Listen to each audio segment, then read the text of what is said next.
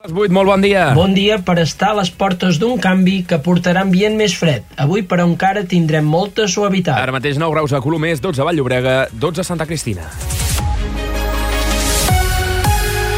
Supermatí, el despertador informatiu del Baix Empordà. Dijous 22 de febrer del 2024, dia ennuvolat de temperatures suaus i a les portes, com ara ens deia Marc Vilà, d'un dia de demà de, de ruixats. De seguida en donarem tots els detalls. Al Supermatí avui explicarem els passos que estan fent els ajuntaments del Baix Empordà per posar-se d'acord en un nou sistema de transport a la comarca. Cal d'una vegada per totes reforçar les freqüències i, sobretot, baixar el preu integrant-nos al sistema català. També celebrarem que aquest cap de setmana una trentena d'equips de tot l'estat participaran a Palafrugell a la final estatal d'un de, dels principals tornejos de robòtica del món. La final mundial es farà a Dallas, als Estats Units. I ens preguntarem per què l'Ajuntament de Palamós no avala una doble línia de fut futbol formatiu al municipi. Tot això i més al Supermatí ens escoltes a Ràdio Palafrugell, Ràdio Capital i Ràdio Bisbal.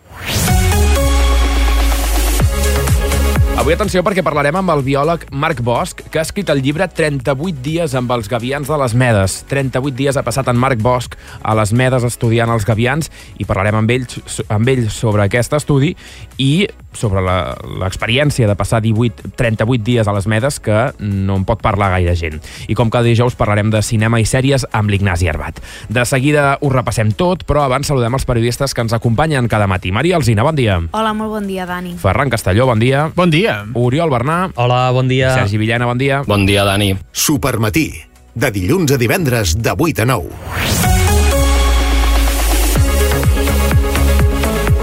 Els alcaldes del Baix Empordà demanen una millora de la xarxa d'autobusos. Els alcaldes i alcaldesses del Baix Empordà reclamen una millora de la xarxa d'autobusos que augmenti la freqüència del servei i cobreixi la comarca. Aquesta és una de les propostes que es va posar sobre la taula durant la sessió ordinària del Consell d'Alcaldies el passat 19 de febrer. Un dels punts forts de la reunió va ser l'estudi del transport a la demanda a la comarca. Arran d'aquesta investigació es va considerar la inclusió de nous serveis a demanda digitalitzats ClicCat a Torroella de Montgrí, la Bisbal d'Empordà i Sant Jordi Desvalls, així com també reforçar les línies existents existents. L'empresa del Parc Tramuntana tindrà un prototip a la plataforma d'assaig de l'eòlica marina del Golf de Roses. L'Institut d'Investigació en Energia de Catalunya ha seleccionat les tres empreses que podran instal·lar prototips a la plataforma d'assaig Plemcat al Golf de Roses. Una de les empreses que promou el Parc Tramuntana, la companyia basca Sener, és la que ha obtingut la millor puntuació. Ho detallarem durant el supermatí. El planificador del Consorci de les Vies Verdes Girona permet visualitzar tota la xarxa i crear rutes a mida. El projecte s'engloba dins una subvenció europea Fons Next Generation en l'apartat enfocat en la modernització i competitivitat del sector turístic per la transformació del model turístic cap a la sostenibilitat. La Palafrugell acull aquest cap de setmana la final estatal d'un dels principals tornejos de robòtica. Sí, és la final estatal de VEX Robotics Competition, un dels principals tornejos del món de la robòtica. Hi participaran els 30 millors equips d'Espanya i organitza l'Escola Sant Jordi amb la col·laboració de l'Ajuntament i d'Innova't Educació. La unitat d'insuficiència cardíaca de l'Hospital de Palamós fa un seguiment remot als seus pacients gràcies, atenció, a un software incorporat als dispositius intercardíacs que permet descarregar diferents paràmetres i analitzar el risc de descompens descompensacions. Un cop descarregades aquestes dades, els especialistes en cardiologia realitzen una anàlisi i categoritzen els i les pacients en tres nivells en funció del risc, baix, mig o alt. En cadascun d'aquests nivells s'estableixen quines actuacions cal dur a terme, com trucades per a seguiment, i demanar més informació o bé citar una visita presencial urgent. A Palafrugell, el Mercat de la Carn torna a obrir les portes després de setmanes d'obres. S'ha reforçat a la taulada perquè s'hi havien detectat esquerdes, humitat i oxidació de les viguetes. Ha costat uns 150.000 euros i ha estat la primera fase de les obres que continuaran a principis de l'any vinent. Tot i això, no totes les parades van obrir en el primer dia de reobertura. I durant unes setmanes, a Palafrugell també l'Oficina d'Atenció Ciutadana es trasllada a Can Rosés, a la seu de l'antic IPEP. És l'antiga seu de l'IPEP i el motiu són les obres que s'estan fent a una part de l'edifici de l'Ajuntament, en concret a la zona de l'antiga biblioteca que s'està rehabilitant. D'aquesta manera, des d'aquest dimarts i durant les pròximes setmanes, l'atenció ciutadana de l'Ajuntament es durà a terme a la plaça de l'Església 8, a la planta baixa. I a Palamós, la regidora Núria Boteller assegura que les trobades veïnals, amb les trobades veïnals que està fent aquests dies l'Ajuntament, es vol mm, facilitar i fomentar la participació ciutadana. La regidora de Participació Ciutadana de l'Ajuntament l'Ajuntament de Palamós ho ha afirmat en una entrevista al Supermatí. A més, ha especificat que la proposta s'estendrà properament més enllà dels tres barris que la setmana que ve participaran en les trobades que volen abordar problemàtiques existents al municipi o donar a conèixer iniciatives que la ciutadania creu necessàries.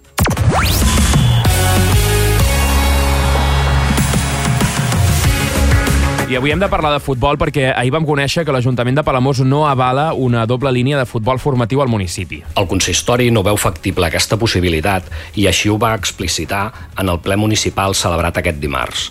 La Junta del Degà havia publicat un comunicat en què explicava que s'ha trencat l'acord amb el Global i que la temporada que ve tindrà la seva pròpia base de futbolistes. El regidor d'Esports, Josep Coll, del PSC, va intervenir en el ple arran de les declaracions de David Cano, regidor de Somi per Palamós i Sant Joan, el qual lamentava la ruptura i contestant també a l'anunci del Palamós Club de Futbol el dia abans. A l'informatiu us ho ampliem. El Supermatí és l'informatiu que t'explica tota l'actualitat del Baix Empordà del Baix Empordà i també més enllà, perquè estan passant coses. Avui l'Audiència de Barcelona ha citat a les 10 del matí l'exjugador del Barça Dani Alves i totes les parts del seu judici per rebre la sentència per la presumpta violació d'una noia a la discoteca Sutton de Barcelona. Les peticions de la Fiscalia i l'acusació es van mantenir en 9 i 12 anys de presó, mentre que la defensa d'Alves reclamava l'absolució o com a alternativa un any de presó amb una indemnització de 50.000 euros. Com dèiem, a les 10 del matí estan citades les parts per conèixer la sentència sentència, tot i que no és una compareixença pública i per tant caldrà esperar que les parts expliquin el resultat d'aquest judici. En altres notícies judicials, el jutge de l'Audiència Nacional, Manuel García Castellón, mm, s'enfronta o va, va fer diversos errors que podrien afectar la causa de Tsunami Democràtic. Un escrit del 2021 revela confusions amb les dates dels fets investigats i això posa en dubte la continuïtat del cas. La, algunes defenses ja ho han recorregut, alegant també o posant sobre la taula altres situacions, altres eh, judicis o causes en què dates, confusions similars en dates, havien fet caure el cas. Segons una enquesta del Centre d'Estudis d'Opinió, el 32% dels catalans creu que el moviment feminista ha anat massa lluny. A més, un 43% creu que algunes dones posen denúncies falses per obtenir beneficis econòmics i un terç veu exagerada la crítica als acudits masclistes. I Coldo García, eh, exassessor de l'exministre José Luis Ábalos, ha estat detingut per liderar una trama de desviament de diners de contractes públics per adquirir material sanitari durant la pandèmia, juntament amb altres implicats. El jutge investiga l'increment patrimonial i el possible cobrament de comissions. És a dir, que durant la pandèmia aquest senyor, Coldo García, es va enriquir i no se sap ben bé com, com ho va fer. I finalment expliquem que la participació d'Israel a Eurovisió 2024 està en perill. La Unió Europea de Radiodifusió podria rebutjar la cançó October Rain, considerant que la lletra és massa política perquè fa referència als atemptats de Hamas d'aquest octubre. Israel, per tant, es jugaria quedar-se fora del concurs europeu si no fa cap canvi en la lletra de la cançó.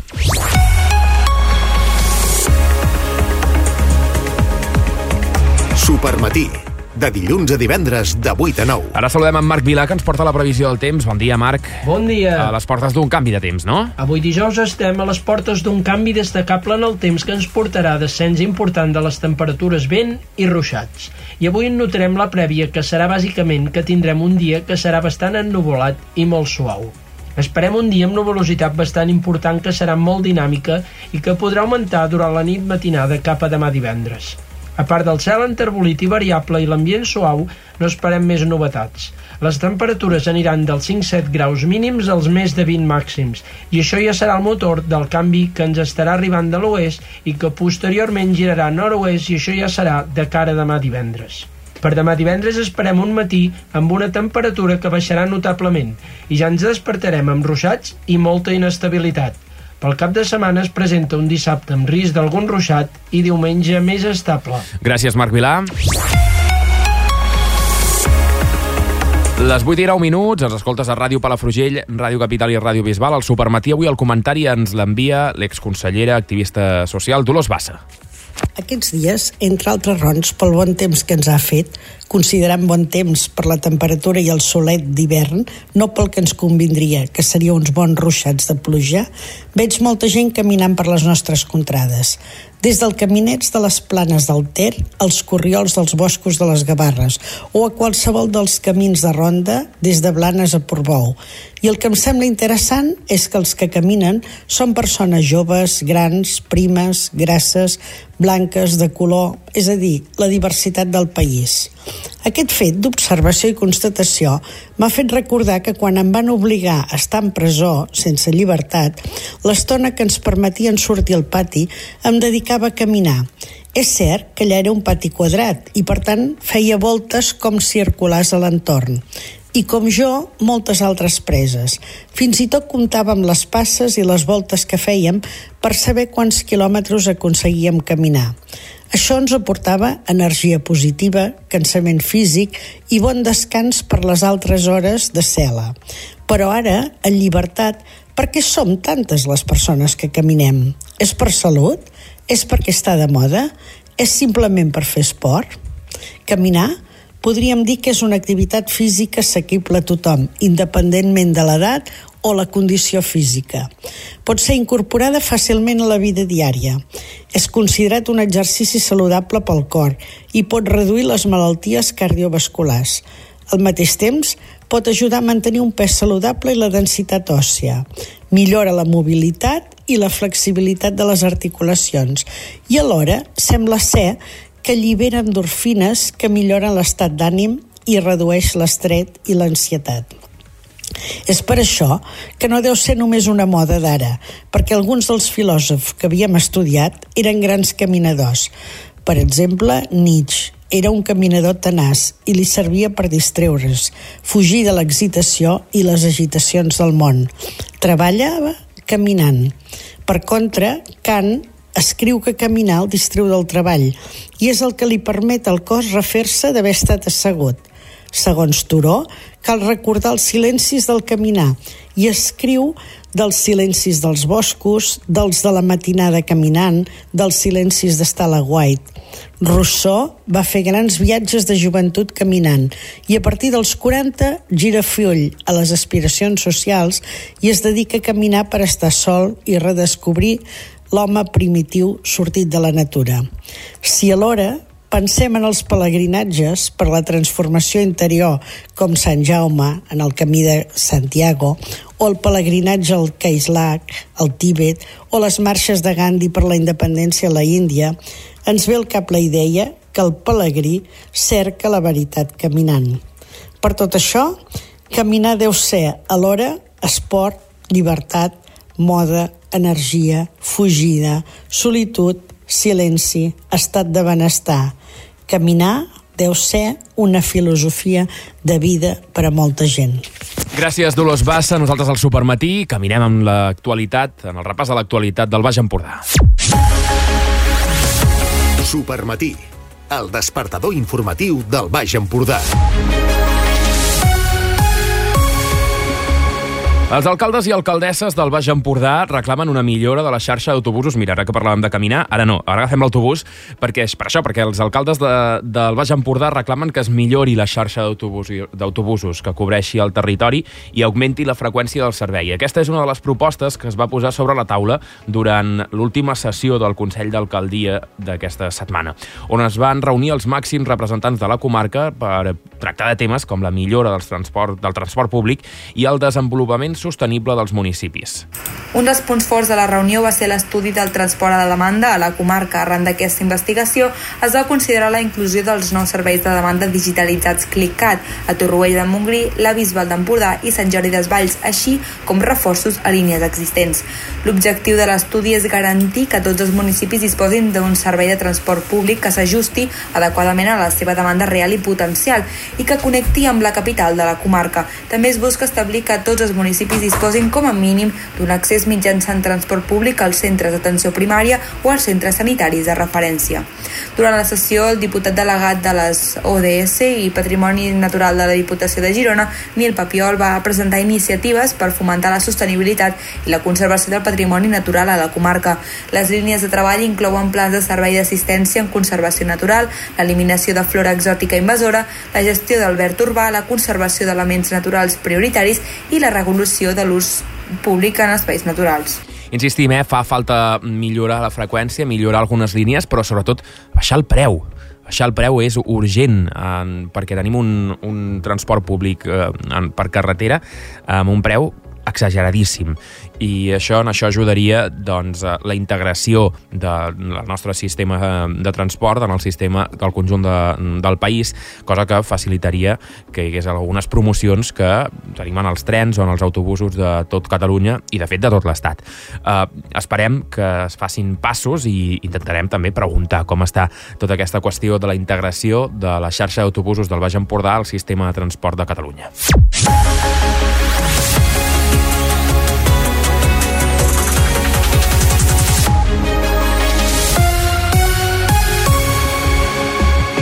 Acabem de passar al punt d'un quart de nou del matí, l'empresa del, Parc, del Parc Tramuntana tindrà un prototip a la plataforma d'assaig de l'eòlica marina al Golf de Roses. Nou pas en el projecte de la plataforma d'assaig que impulsa la Generalitat a través de l'IREC a la Baia de Roses. L'ENS ha escollit les tres empreses que podran instal·lar-hi prototips d'eòlica marina per poder provar aquesta tecnologia abans no es faci la subhasta estatal per fer-hi els parcs comercials previstos al POEM. Entre les seleccionades hi ha una de les tres empreses que impulsen el parc comercial Tramuntana, Sener. És l'empresa que ha obtingut la millor puntuació, amb 204,4 punts, amb la proposta de Hype Wine Energy. La segona millor eh, puntuada ha estat la catalana X1 Wind, amb 199 punts, i la enginyeria canària Steico ha quedat en la tercera posició.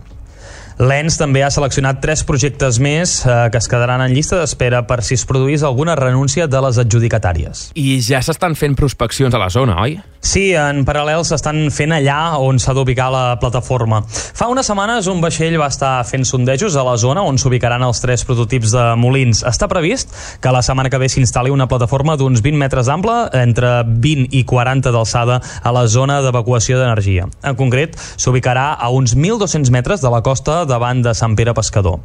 El sistema permetrà agafar mostres de forma quirúrgica del fons marí, tot amb la voluntat d'estudiar-lo i poder dissenyar millor el projecte de Plemcat. L'objectiu és que el projecte sigui una realitat abans d'acabar el 2025, tal i com estableix la convocatòria del Red Marines, del qual ha obtingut una subvenció de 30 milions d'euros. Els prototips permetran obtenir la informació sobre la viabilitat, l'impacte ambiental o la incidència en la biodiversitat que poden tenir els molins marins. La informació ha de servir per poder incidir en el concurs dels parcs comercials. I parlem d'una nova eina de visualització de les vies verdes.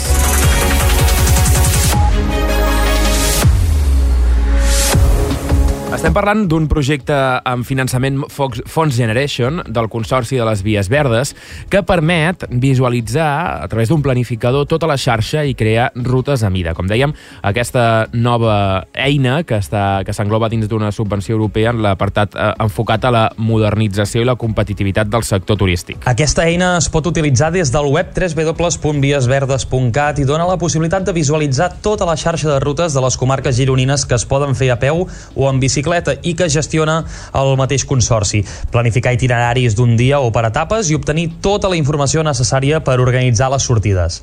A la presentació hi han assistit Quim Roca, diputat de la Diputació de Girona i president delegat del Consorci de les Vies Verdes de Girona, i Àngel Planes, gerent del Consorci. El planificador és autogestionable i permet que els tècnics del Consorci puguin actualitzar a cada moment les informacions, afegir rutes, serveis turístics, punts d'interès per a l'usuari, serveis al cicloturisme turistes i notícies d'interès o alertes. Es va estar treballant en el planificador de rutes durant el segon semestre de l'any 2023 i és una de les accions que estan finançades pels fons europeus Next Generation en el marc de la darrera convocatòria del Pla de Recuperació, Transformació i Resiliència. El cost d'aquest servei ha estat d'aproximadament 33 milions d'euros i s'ha finançat íntegrament. El projecte s'engloba en un apartat enfocat en la modernització i competitivitat del sector turístic per la transformació del model turístic turístic cap a la sostenibilitat. 33 milions d'euros, eh? No, no, no, no, no ens passem. 33.000 euros, no 33 milions d'euros. Uh, parlem d'una activitat aquest cap de setmana a Palafrugell força important en l'àmbit de la robòtica.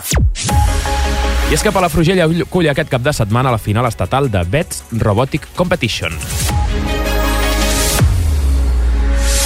És un dels principals tornejos del món de robòtica i participaran els 30 millors equips d'Espanya. Ho organitza l'Escola Sant Jordi amb la col·laboració de l'Ajuntament i d'Innova't Educació. El BEX en robòtic és una competició internacional en què equips d'escoles i instituts dissenyen, construeixen i programen robots que competeixen a tornejos similars a partits esportius. D'aquesta manera, la bòbila de Palafrugell es transformarà els dies 24 i 25 de febrer en un estadi en el qual jugaran les diferents fases de les categories de la competició. Els equips guanyadors participaran a la final internacional a Dallas, als Estats Units.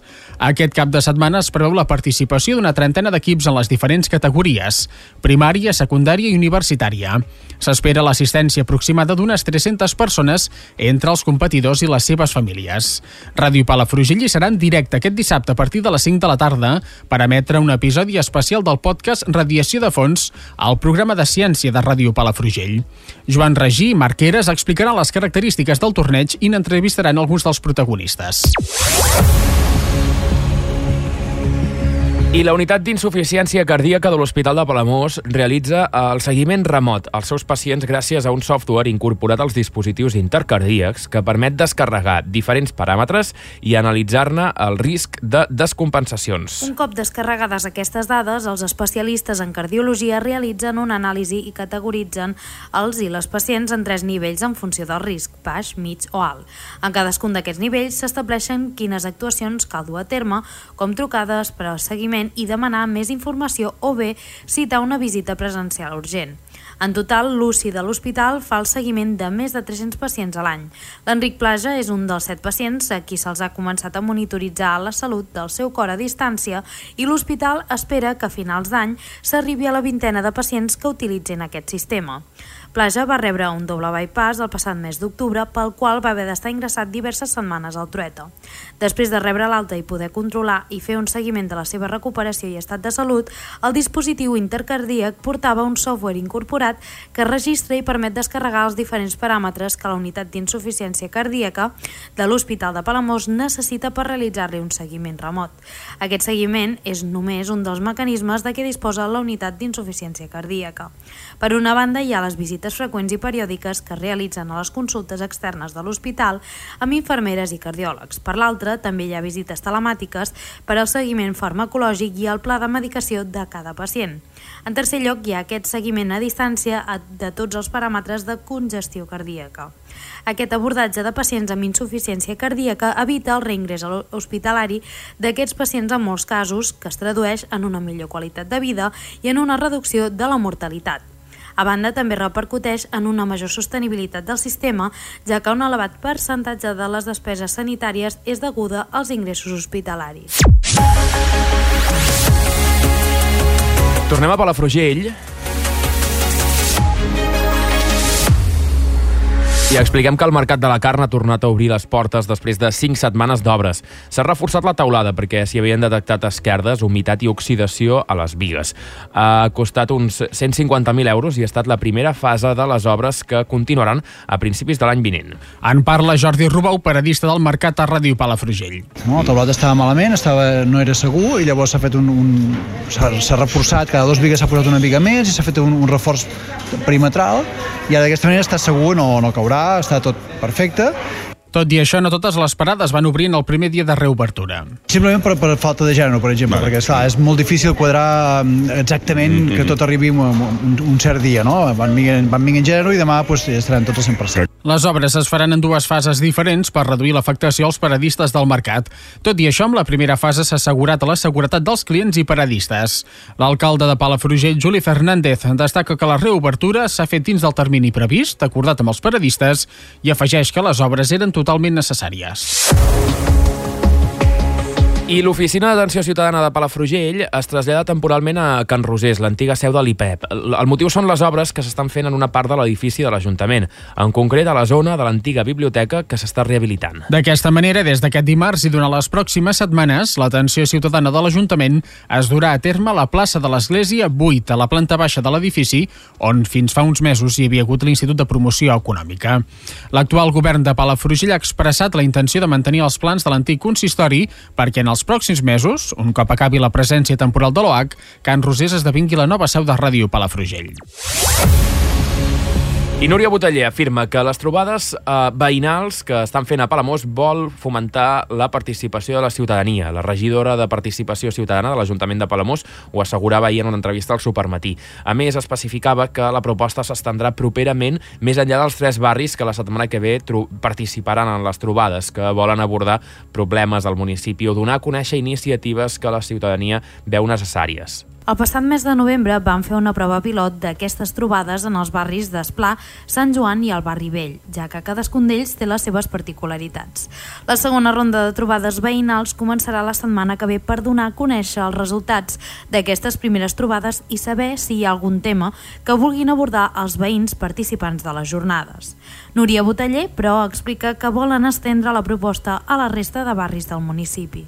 Tot i això, bueno, com bé deies, a la setmana vinent, dilluns, dimarts i dimecres, farem la segona ronda d'aquestes reunions veïnals, però durant el mes de març ja iniciarem també, eh, obrirem aquestes reunions a la resta de, de zones del municipi, eh, com l'Eixample, o Masguàrdies, la Fosca, i així poder tenir un mapa complet de, dels interessos, eh, propostes, dubtes, eh, queixes que generen a tot el municipi de Palamós i Sant Joan. La regidora apunta que la primera ronda de trobades veïnals va anar molt bé i, a més, es va incentivar la participació ciutadana en grups d'edats que normalment no se solen contemplar en aquest tipus de processos. I quins temes es van abordar en aquestes primeres trobades? Doncs es van treballar qüestions com la qualitat de vida al municipi, tant per joves com per gent gran, la sostenibilitat, la mobilitat, la neteja, entre molts altres punts.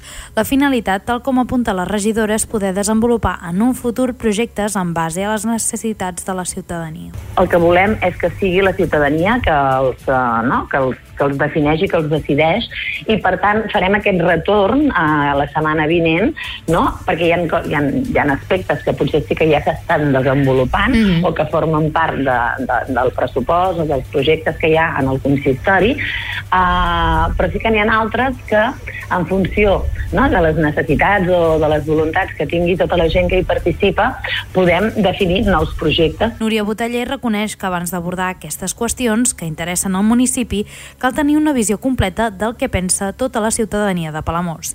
Per això, després de la prova pilot feta en aquests tres barris, la proposta de trobades veïnals s'estendrà a la resta de veïnats de Palamós. Serà durant el mes de juny quan el consistori palamosí podrà començar a veure quins són els projectes prioritaris provinents d'aquesta iniciativa de participació ciutadana. La regidora apunta, però, que ja hi ha temes que preocupen a la ciutadania que ja s'estan treballant. I quan es faran les reunions la setmana que ve? Concretament, el dilluns 26 de febrer, l'àrea de participació ciutadana ha convocat la ciutadania del barri d'Esplà a les 7 de la tarda al centre obert, ubicat al costat del pavelló municipal d'esports. El dia següent, dimarts 27, serà el torn per als veïns i veïnes de Sant Joan, que també es convoquen a les 7 de la tarda i podran assistir a la sessió que es durà a terme a l'aula d'aprenentatge. I per últim, el dimecres 28 de febrer, es tancarà el cicle parlant al barri vell de Palamós, celebrant la reunió a partir de les 7 de la tarda a l'espai municipal polivalent de les Galeries Carme. Aquestes reunions estan obertes a la participació de tothom i per prendre'n part només cal confirmar la presència mitjançant l'enviament d'un correu electrònic a participació.ciutadana.balamos.cat o bé un WhatsApp al 696 176 424 indicant el nombre de persones que voldran assistir-hi. La regidora anima a les persones de Palamós a assistir-hi per plantejar dubtes, propostes o iniciatives per millorar el municipi.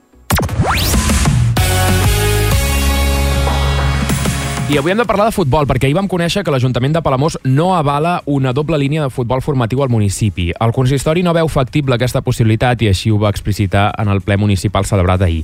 La Junta del Degà havia publicat un comunicat en què explicava que s'ha trencat l'acord amb el Global i que la temporada que ve tindrà la seva pròpia línia, la seva pròpia base de futbolistes. El regidor d'Esports, Josep Coll, del PSC, va intervenir en el ple arran de les declaracions de David Cano, regidor de Somi per Palamós i Sant Joan, eh, qui lamentava la ruptura i contestava també l'anunci del Palamós Club de Futbol del dia abans. El regidor d'Esports, que no perd encara l'esperança d'arribar a un consens, va deixar clar el posicionament municipal en aquesta intervenció recollida per Ràdio Palamós i és preocupant, evidentment, doncs, que un esport tingui diversos clubs amb diferents filosofies que perquè per la MOS està clar que tenim les instal·lacions que tenim, que són millorables, tenim les instal·lacions que tenim que hem, hem d'invertir-hi més i sí que és cert que no ens podem permetre el luxe de tindre dues entitats de futbol, equips entitats que evidentment ara no és el cas perquè estem concretant en futbol, però la línia seguida de la regidoria és que intentar, doncs, si no és unificar, que és una paraula que mm, desgraciadament quan la dius tothom se tira enrere, és buscar les bases de,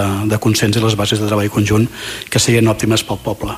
Eh, en el tema particularment de futbol, des de l'Ajuntament sempre s'ha comentat i sempre s'ha dit que no donem a l'abast per les instal·lacions que tenim per donar cobertura a dos clubs, sempre ho hem comunicat, en aquests moments s'han trencat les negociacions, però evidentment se seguirà intentant perquè el futur de Palamós passa per aquí. Cal recordar que el Palamós Club de Futbol i el Global van signar un acord de col·laboració pel futbol formatiu l'any 2022. El pacte havia de ser per a tres temporades i quan encara no ha acabat la segona, les discrepàncies que mantenen les dues parts han acabat provocant aquesta discòrdia.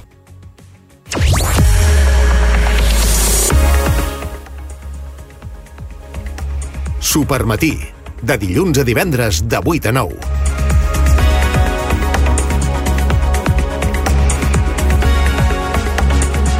Continuem al Supermatí, ara acabem d'arribar a dos quarts de nou del matí. 32 anys després d'haver trepitjat les medes, el biòleg Marc Bosch ha decidit donar a conèixer la seva estada de 38 dies amb els gavians mm, que poblen aquest indret de l'Empordà. Per parlar-nos una mica dels detalls d'aquesta experiència i parlar-nos de la publicació del llibre 38 dies amb els gavians de les medes, ens visita el seu autor i biòleg Marc Bosch. Bon dia. Sí, hola, molt bon dia. Va ser mitjans del 92, no? Um, acabem de sortir, acabes de sortir de la carrera i vas decidir anar un temps a passar, va, passat aquests 38 dies amb les, amb les medes. Com va sorgir la idea sí. d'escriure aquest dietari? Mira, va ser, va ser el març del 92, que és quan comença la... Bueno, el març és quan els gavians comencen a reproduir-se. I la idea va sorgir doncs, del fet de que jo tenia clar que les medes eren molt, molt especials perquè és un paratge doncs, mm, molt diferent al, que seria eh, l'entorn més proper, amb, amb els gavians, les comunitats de plantes també nitròfiles, vull dir, associades als, a, al metabolisme dels gavians amb els excrements, bueno, tot és molt diferent. I a més, doncs, sabia que m'hi havia d'estar de, una llarga temporada, mm, perquè el que, els paràmetres que volia controlar implicaven doncs, que m'hi estigués molt de temps seguit a les medes, i també en unes condicions una mica peculiars, perquè eh, havíem d'estar en el far, que el far no tenia ni, ni llum ni aigua corrent i no hi havia cap mena de comoditat i per tot plegat doncs, vaig pensar que podria ser interessant doncs, recollir impressions eh, del dia a dia. I mira, el que va començar sent doncs, una mena de, de prova de dir a veure què tal, doncs la veritat és que em va enganxar i cada vespre doncs, esperava el moment per poder escriure les experiències o aquelles coses que més m'havien impactat. Això va ser el, el 92, entenc. 38 dies vivint a les sí, medes? Sí. Sí, sí, però a veure, eh, que, que no, no, no té res de, de peculiar, vull dir, o d'especial. De fet, no van ser del tot seguits. Alguna vegada Va. havia fet algun puja i baixa. Però és molt habitual, perquè, però... clar, això és, és un... Eh, jo crec que és un, pri, un privilegi important, no?, el fet de poder viure eh, o passar uns dies seguits a les medes, que normalment no la pots, no, no, no pots ni, ni rossar amb els dits del peu sí. la terra de les medes. Sí, sí, sí, tal qual, tal qual, tal qual. La veritat és que és un privilegi, vull dir que jo vaig gaudir moltíssim pensa que, bueno, ara, ara és reserva integral i en, en aquell moment eh, les medes, la, la zona emergida, formava part del PEIN, que és el Pla d'Espais d'Interès Natural, que en principi està obert a tothom. És a dir, quan jo vaig començar la recerca, tothom podia anar-hi, tot i que eh, eh, hi ha alguna mena de restriccions als usos que pots fer l'espai, però està obert a tothom. Ara no. Ara reserva integral i només s'hi pot anar doncs, per uns usos molt concrets, com per exemple la recerca. Si no, no, no hi ha opció de que puguis eh, anar-hi però el, el que sí que és cert és que era un privilegi i, i i vaja, n'era plenament conscient perquè cada dia, mentre mm, no mostrejàvem, mentre no preníem dades, doncs passejàvem per les medes o fèiem, no sé, seguiment de diferents comunitats i la veritat és que gaudíem una barbaritat. Entenc, per tant, que, que això ja no es podria fer, una, una estada així tan llarga. Sí que es podria fer, sí, Sí que es sí, podria sí, fer. Si és, si és des, de, des, de la, des del món de la recerca, sí, Val. perquè et dic que és una de les, de les eh, activitats que es poden desenvolupar. Es podria, es podria dur a terme, sí, sí. Aquí m'interessen, Um, m'interessen evidentment, dues coses. El que fa referència a, a la investigació als gavians i després com és el fet de passar això, no 38 dies no seguits, però passar uns dies seguits a les medes. Comencem pels gavians. Um, sí. D'aquesta anàlisi, ara em fas aquest, aquest llibre. De, de, què va servir aquests, aquests 38 dies? Què vas, um, a nivell de recerca, què vas descobrir uh, amb les, de l'estudi dels gavians? Sí, sí, mira, d'aquella recerca, el, el punt de partida és que va ser la llavor per una recerca molt més àmplia, perquè eh, era el primer any que començava la, la recerca i, i tot just havia acabat la, la carrera i, i era, un, diguem que, una mena de com un passarell. M'entens que mm, anava descobrint dia a dia doncs, moltes coses i, i, i me'n donava compte de, doncs, de que la, aquell primer any hauria estat més bé plantejar-lo doncs, amb altres eh, eh, seguiments que no vaig dur a terme, però va ser la llavor doncs, per, pels propers anys poder doncs, fer seguiment de coses que no m'havia plantejat, no? o d'activitats, no sé, molts paràmetres que el primer any no vaig, no vaig tenir en compte. I, I la veritat és que, bueno, des de llavors pensa que no he deixat d'anar a les medes, vull dir que això és el 92 i estem a 2024 i el seguiment de la colònia dels gavians no s'ha aturat des de llavors únicament a l'any del Covid, que em, per imperatius doncs, legals no podia anar a mostrejar, eh, tots els anys he continuat mostrejant. Hi ha sèries molt llargues, doncs ja et dic, d'aquests 32 anys que han passat des de llavors, mm, continuades excepte un any. I són unes dades que són interessants perquè sèries llargues per comunitats animals doncs, no, són, no són gaire habituals. I en el cas de la, dels gavians de les medes les tenim. Això pel que fa als gavians. I d'altra banda, del que tu em comentaves... Ara, ara hi anem, un segon, que et vull preguntar, dia, sí. un Ah, segon, val, eh, que et vull preguntar sobre, sobre els gavians i et vull preguntar, sobretot, ja que m'explicaves que has continuat aquesta recerca, eh, quin és l'estat de salut ara mateix dels gavians? Sí, mira, a veure, Ah, no és, no és, no és fàcil perquè la, la, com- bueno, l'estat en què es troba la, la població de, de gavians de Catalunya ve clarament condicionada per la gestió que nosaltres en fem, vull dir que, que, que els humans en fem. Eh, pensa que, per exemple, eh, el, el mateix creixement de la colònia que va haver-hi als anys 80 i que va fer que jo arribés a les medes l'any 92 trobant-me una colònia absolutament plena de gavians, hi havia, pensa, 14.000 gavians, eh? 14.000, pa- perdó, 14.000 parelles de gavians. Vull dir que és una barbaritat. Doncs això era fruit de, mm, de les modificacions que nosa- nosaltres hem fet els humans de l'entorn, perquè els gavians explotaven eh, els abocadors i, de fet, encara ho continuen fent. Els gavians són uns ocells que mm, són molt plàstics a nivell de requeriments alimentaris. Es diu que són uns animals generalistes, que vol dir que poden explotar un ventall molt ampli de recursos tròfics d'alimentació, no? I alhora són uns ocells que són oportunistes. Oportunistes vol dir que a cada instant aprofiten aquell recurs que és més habitual, que els, que els resulta més senzill. Clar, què s'han trobat els gavians? Doncs que dispersat arreu del territori hi ha uns punts concrets que són els abocadors on troben gran quantitat d'aliment. I, de fet, és que mm, és totalment previsible perquè saben que anant allà el trobaran i fins i tot saben les hores en el que el poden trobar amb més abundància, que és quan les màquines del, del propi abocador escampen les deixalles. Doncs això el que ha fet és que les poblacions de gavians, o la població de gavians que tenim a Catalunya, es disparés. Per tant, primera, mm, primera eh, modificació diguem, de, del que seria l'estat natural de la població associat als humans. Però la, la contrapartida és que l'any 92 es van fer aquestes campanyes de descastament, que són unes, són unes campanyes de sacrifici massiu de gavians. I és que eh, la Generalitat va considerar que hi havia eh, eh, associat a aquesta població de gavians tan àmplia uns possibles problemes eh, mm, bueno, causats pels gavians. I entre aquests problemes hi havia l'impacte que podia tenir sobre algunes espècies d'ocells i alhora la possible contaminació de les aigües de l'estany de Banyoles. Total, que l'any 92, entre, bueno, al- als anys 90, entre el 1992 i el 1996, es van sacrificar 25.000 gavians. Això és, és un cop fort per, per la colònia. Però alhora, el que va passar, i això està superreferenciat, eh? vull dir, a, a moltes colònies, s'ha comprovat eh, en altres colònies de gavians, quan les colònies de gavians són sotmeses a aquesta mesura de gestió, aquests, mm, aquestes matances massives, els gavians que haurien d'anar a reproduir-s'hi no hi van, se'n van a altres zones. I així és que nosaltres vam poder documentar com aquí a Catalunya la colònia de les Medes va experimentar una davallada molt important degut a que els gavians no tornaven a criar les medes, sinó que s'escampaven arreu del territori, fent dues coses. Les colònies que ja existien creixien els seus efectius en gran mesura. I, d'altra banda, a llocs on no hi criaven, van passar a criar. Van ocupar les ciutats en gran mesura, tot i que ja els gavians ja criaven a les ciutats, arrel dels descast del, descastaments de l'any 92, bueno, dels, de, de l'època dels, dels anys 90, doncs eh, van, van ocupar molt les ciutats. Així és que nosaltres trobem ara gran quantitat de gavians a les ciutats. Això és fruit d'aquella gestió. Què és el que ha passat? Doncs que, fixa't, eh, accions o activitats humanes han condicionat primer la, la, el creixement de la colònia i després la, la caiguda dels efectius de la, de la mateixa colònia.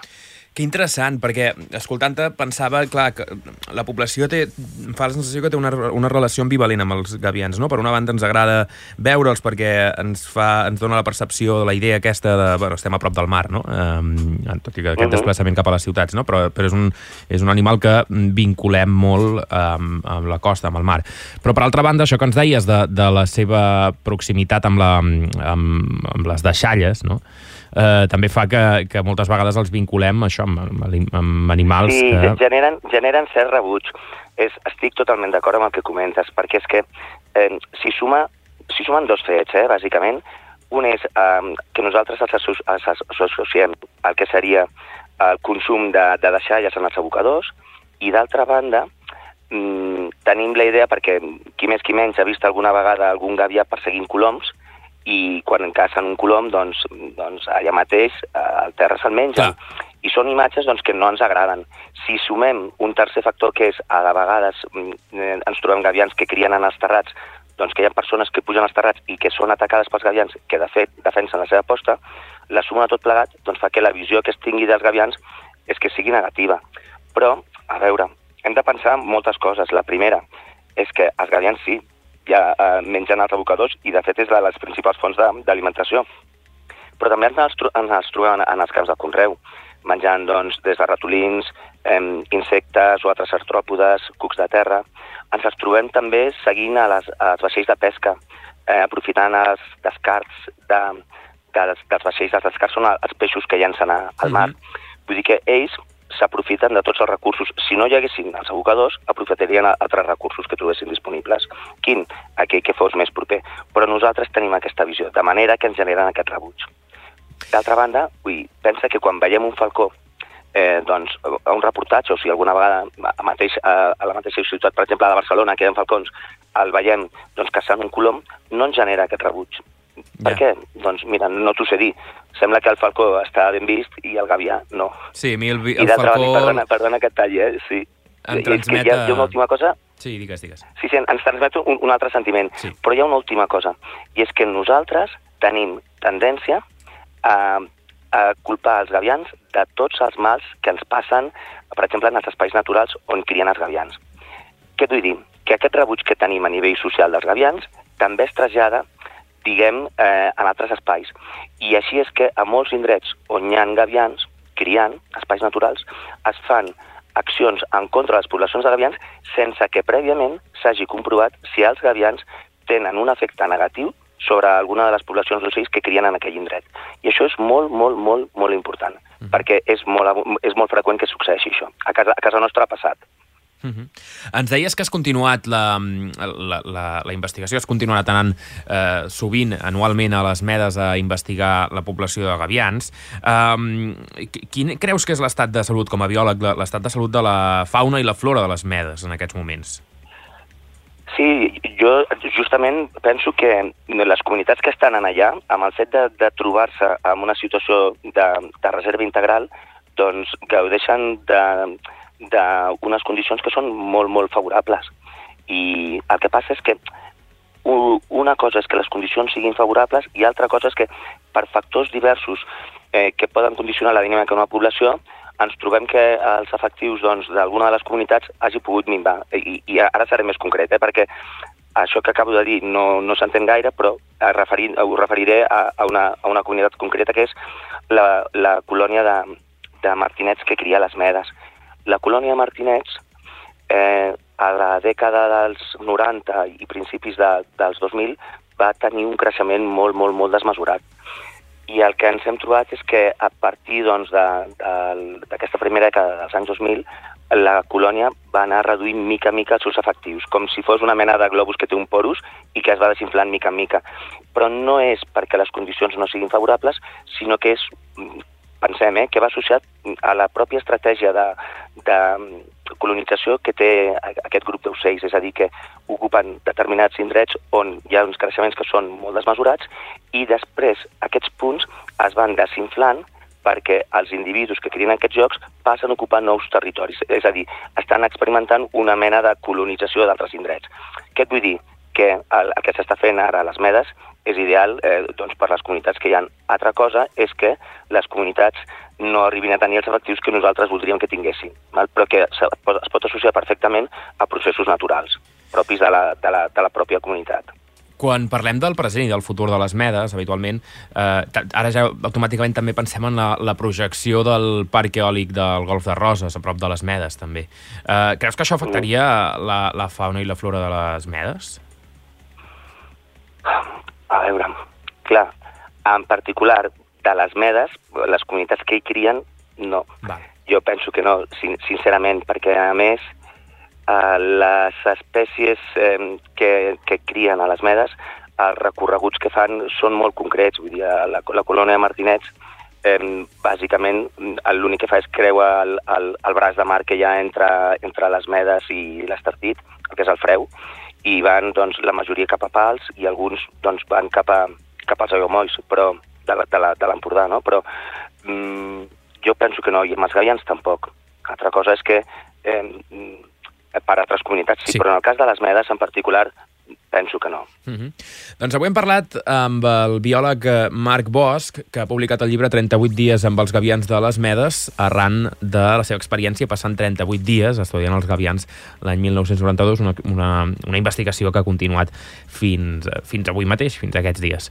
Um, hem parlat amb ell, tot i que m'encantaria poder, poder continuar parlant durant molt de temps, i si et sembla podem quedar per un altre dia per, per parlar més sí. en profunditat de, de, les, uh, de la flora i la fauna de les Medes, i la realitat també de passar-hi sí. un temps. Hem de tancar-ho aquí, eh, se'ns acaba el temps. Sí, em, em deixa'm, deixa'm dir una I petita tant. cosa, simplement, eh?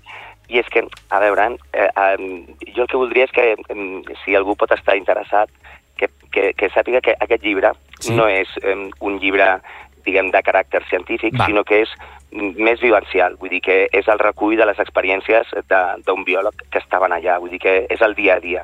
Mm. No és tant parlar de les comunitats o a nivell científic, sinó és com una mena, és, és això, real, realment un diari on, on aquelles coses que més m'anaven impactant quedaven recollides. 38 dies amb els gavians de les Medes, de Marc Bosch, d'editorial Cossetània uh, ja, ja a la venda, aquesta, aquest mes de febrer ha sortit sí, a la venda. ja està, ja està a la venda. Doncs, moltes gràcies. Marc, eh, moltes gràcies. Que vagi bé. Adéu. Adéu, bon dia. Adéu, bon dia.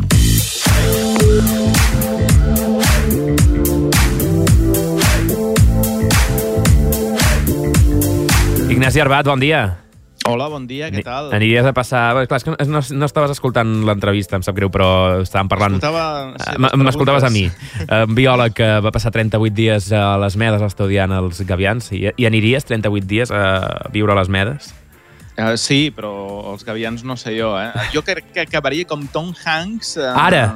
A la pel·li aquella Nàufrago, però en lloc de la pilota, els gavians i jo. Sí, sí, em veig així jo. és veritat, no m'ho havia imaginat, és veritat. Tu t'ho portes al cinema, eh? Sí, sí, jo la sang. Molt bé, doncs amb l'Ignasi, com cada setmana parlem de cinema, de, de sèries, d'estrenes. Aquest cap, aquesta setmana no he anat a veure res, eh? Vull dir que mm, no, no, no tinc cap queixa aquesta Val. setmana. Perfecte. és la manera, eh? Sí, perquè amb el que portem els últims dies, les últimes setmanes, és per, per queixar-se i molt. Hi ha, hi ha coses per recuperar, eh? és a dir, totes aquestes nominades a l'Oscar, Sí. com Anatomia d'una caiguda, o sigui, totes aquestes pel·lis que és veritat que porten temps en cartellera, eh, sí que està bé recuperar-les, és a dir, a falta d'estrenes potents, recuperar totes aquestes pel·lis que potser molta gent encara no ha vist. Saps què em passa amb mi amb, amb Anatomia d'una caïda? Um, que quan escolto penso en la Societat de la Nieve, no? perquè hi ha una caiguda uh, d'un avió i després els, els participants, els protagonistes fan anatomia del cos humà també. Sí, I però eh, res a veure. Res a veure, de què va? Recorda'm de què va.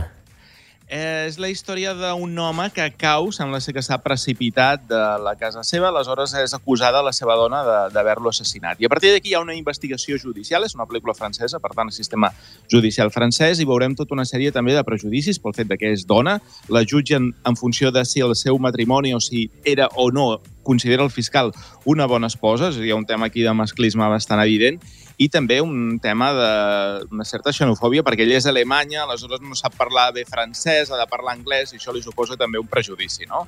Mhm. I bé, està molt bé, la pel·lícula, la veritat és que és un guió excel·lent, molt ben interpretada i, i val molt la pena. Molt bé. Doncs amb què comencem avui? Doncs va, comencem amb una que té una nominació a l'Oscar, en aquest cas és de millor guió, no és de pel·lícula, però és una pel·lícula interessant, que és Secretos de un escándalo. Sona així. Kimi, sí. Ah, c- ¿Cómo eliges los papeles? Hmm. Me gusta buscar un personaje. De què va, això? El títol és horrible, ja ho diguem ara, es diu en versió original May December, o sigui, ja veieu que no té absolutament res a veure. I això està dirigida per al Todd Haynes, que és director, per exemple, de pel·lícules que han tingut molt de reconeixement, com Carol, per exemple, Lejos del cielo, Aguas oscuras. És un molt bon director de cine.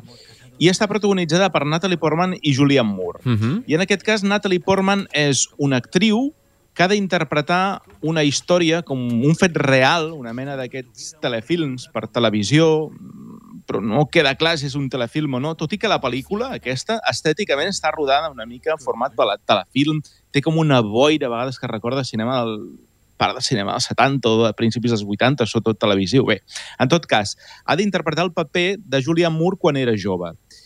Un cas que va passar que, que va sortir a tota la premsa aleshores, que bàsicament és que es va enamorar d'un amic del seu fill i es van casar i van tenir tres criatures. Uh -huh. Però quin era el problema? Que, clar, ella era una mare que estava casada, etc i l'altra era menor d'edat. Concretament tenia 13 anys. Aleshores, clar, això és un escàndol que va sortir a la premsa, que va sortir per tot arreu, i ara ella continua estant casada amb aquest noi, els seus fills ja són adolescents, han, estan a punt de marxar de casa perquè ja tenen quasi 18 anys, se van a la universitat i es quedarà el matrimoni sol. I per aquí hi ha el personatge Natalie Portman que intenta esbrinar per què ella va fer això, què hi ha darrere d'ella per poder interpretar aquest personatge. És veritat que els mètodes que farà servir a no seran del tot èticament correctes, però eh, ja ho veureu. Pel·li interessant, eh? està bé, el, molt ben escrita. Molt bé. No m'estranya que estigui nominada a guió. Nominada aquí als Òscars, molt bé. Uh, què més? Què més? Un altre, un divertimento Ah. que val molt la pena, Sí. que aquí li han posat El Bastardo. I sona així.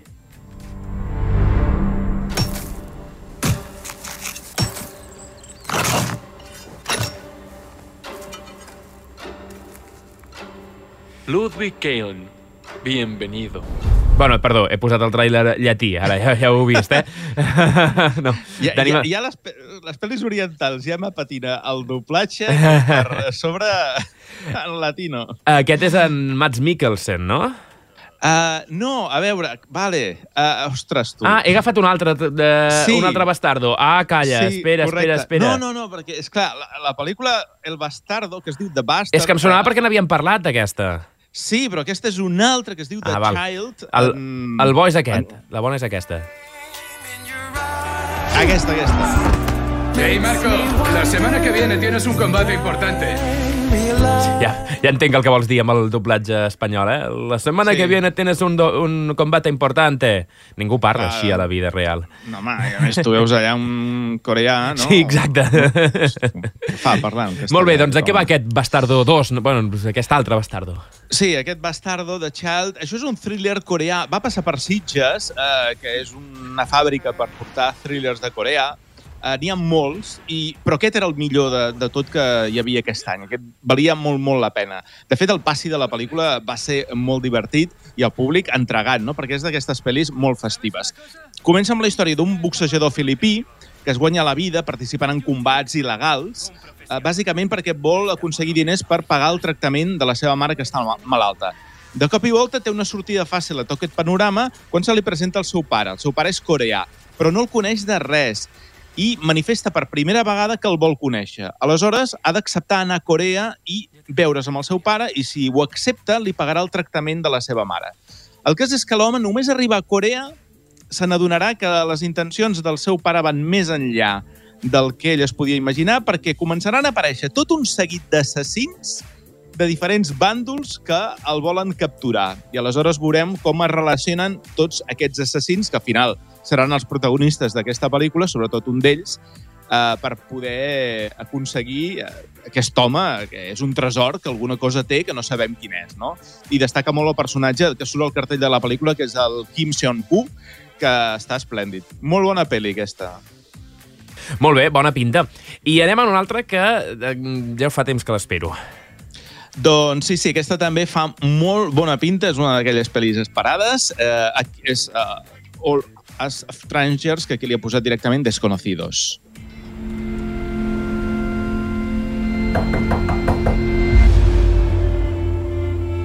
Hello. Hi. Clar, és que tenim tres, hi ha tres coses. Hi ha Londres, hi ha Andrew Scott i hi ha Paul Mescal. Què més vull? Sí, sí. No, no, la veritat és que el repartiment, tant Andrew Scott com Paul Mescal, són dos dels diguéssim, nous joves actors, tot i que Andrew Scott ja fa més temps no? que, que circula que Paul Mescal. Però sí, sí, és una pel·lícula que està basada en una novel·la de Taichi Yamada, que l'ha dirigit i escrit l'Andrew Haig. És una coproducció entre, en aquest cas, eh, Anglaterra i, i Estats Units, eh? tot i que doncs, està centrat en el Londres actual. I és la història de... Bueno, comença, i això de, de fet ho veiem al tràiler, el personatge d'Adam, que bueno, coneix un veí, es veuen, diguéssim, des de la finestra i tal, i congenien. I tenen una relació esporàdica en principi, però aquesta relació esporàdica començarem doncs, que veurem que comença una relació una mica més seriosa. A més a més de que hi ha aquesta relació amorosa entre aquests dos personatges, ens trobem que Adam, el que ha vingut a fer, o el que vol fer és anar a la seva ciutat natal, vol tornar a casa seva, i per alguna cosa del seu passat. I aleshores es troba que a casa seva hi ha els seus pares, però hi ha els seus pares tal com eren fa 30 anys abans de la seva mort. I aquí es barreja doncs, aquesta història romàntica entre aquests dos personatges i aquesta història fantàstica que veurem per on circula. I a més a més, amb la música de Pet Shop Boys, el tràiler... Ja l'escoltem, ja. És, és eufòria, això, eh? Molt bé. Brutal. Veig que Rotten Tomatoes està buscant 96%. Per tant, sí, sí. ja tenim, Sí, tinc sí. pel·lícula per aquesta setmana. Molt bé. Sí, sí. Aquesta Eh, la comentem la setmana que ve, si Vinga, va, sí. I després em deies... Uh, hi havia una altra... Que no Sèrie. Una, una sèrie. Ràpid, una frase, que no em dona temps de més. Hòstia, Tet, Tet, Tet. És el, la versió en sèrie que trobareu a Sky Showtime de la pel·lícula de Seth MacFarlane de l'os de peluix, que era políticament incorrecte. Ostres, que bo! I sèrie? Sí, sí, que això, sèrie, però en aquest cas ens anem a l'adolescència del personatge que interpretava Mark Wahlberg. Oh, que bo, que bo, molt bé. Políticament incorrecte Ja. a tope, a tope, a tope. molt bé. Doncs eh, això, a Sky Showtime, que no sé quanta gent el té, però que hi ha coses que potser estan interessants. No? Escolta, que és la més barata de totes, eh? Aprofiteu. Molt bé. A veure, cinemes de proximitat. Aquest cap de setmana, Palafrugell Maestro, de Bradley Cooper. Um, a Torroella tenim L'home dels nassos, pel·lícula amb Pablo Derqui. I uh, Begú, Argyle. Mira, repetir. Repetir. Sí, no, mira, fem, fem una cosa. Posa'ns en context per què ens ha d'agradar Argyle, eh, perquè la gent que hi vagi, No, no. hi vagi des del punt de vista que toca. Allò que ens deies la Doncs, setmana passada. Exacte. És una broma, una paròdia, no us la preneu en seriosament absolutament en res i aneu a intentar eh, apagar el cap i divertir-vos i no trobeu cap lògica de res. És una pel·lícula de, per divertir-se i ja està. Molt bé, doncs així ho farem. Uh, re, Ignasi, gràcies. Um, toquen ja els Oscars, no?, l'entrega dels Oscars, la cerimònia? Sí, queden encara un parell de setmanes. Val. eh, La, mat la matinada del, diu bueno, del, dis sí, del diumenge al dilluns 10 de març. Ah, val. És que altres anys coincidia amb el mobile i sí. com que ara, com que la setmana, la setmana que ve és el mobile, dic, "Pf, tocarà ja, val, no, encara queden dues setmanes, doncs ja en parlarem. És Dune, Dune. la Dune, la setmana que ve ja. Per dos. Sí, Tens sí, ganes o la no? Jo, mira... Quan sortiran no les, Ja. les valoracions? ja han sortit. I bé, no? Eh, molt bé. També té un 95, em sembla, que tenia Rotten Tomatoes, una passada, vull dir que... eh, 97, 97. Mira, m'he quedat curt encara. Sí, sí, sí. Vull dir, bueno, és que el Denis, Denis Villeneuve a mi em sembla un director extraordinari, la primera em va agradar molt i ja hem vist tota aquesta setmana que estan fent doncs, eh, tant, tot l'equip, no? Timothy Chalamet, Zendaya, etc passant i passejant-se per tot arreu, sobretot amb els vestits, eh, aquests extravagants que, que han portat. Sí. I, i que com més extravagants millor. Clar que sí. Doncs Ignasi, gràcies i en parlem la setmana que ve. Va, la setmana que ve som aquí. Una Vinga, abraçada. adéu. Adéu.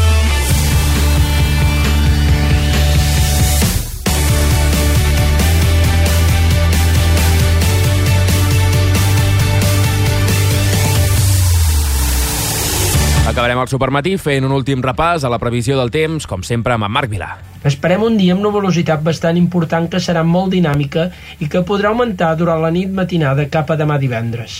A part del cel enterbolit i variable i l'ambient suau, no esperem més novetats. Les temperatures aniran dels 5-7 graus mínims als més de 20 màxims. Per demà divendres esperem un matí amb una temperatura que baixarà notablement i ja ens despertarem amb ruixats i molta inestabilitat.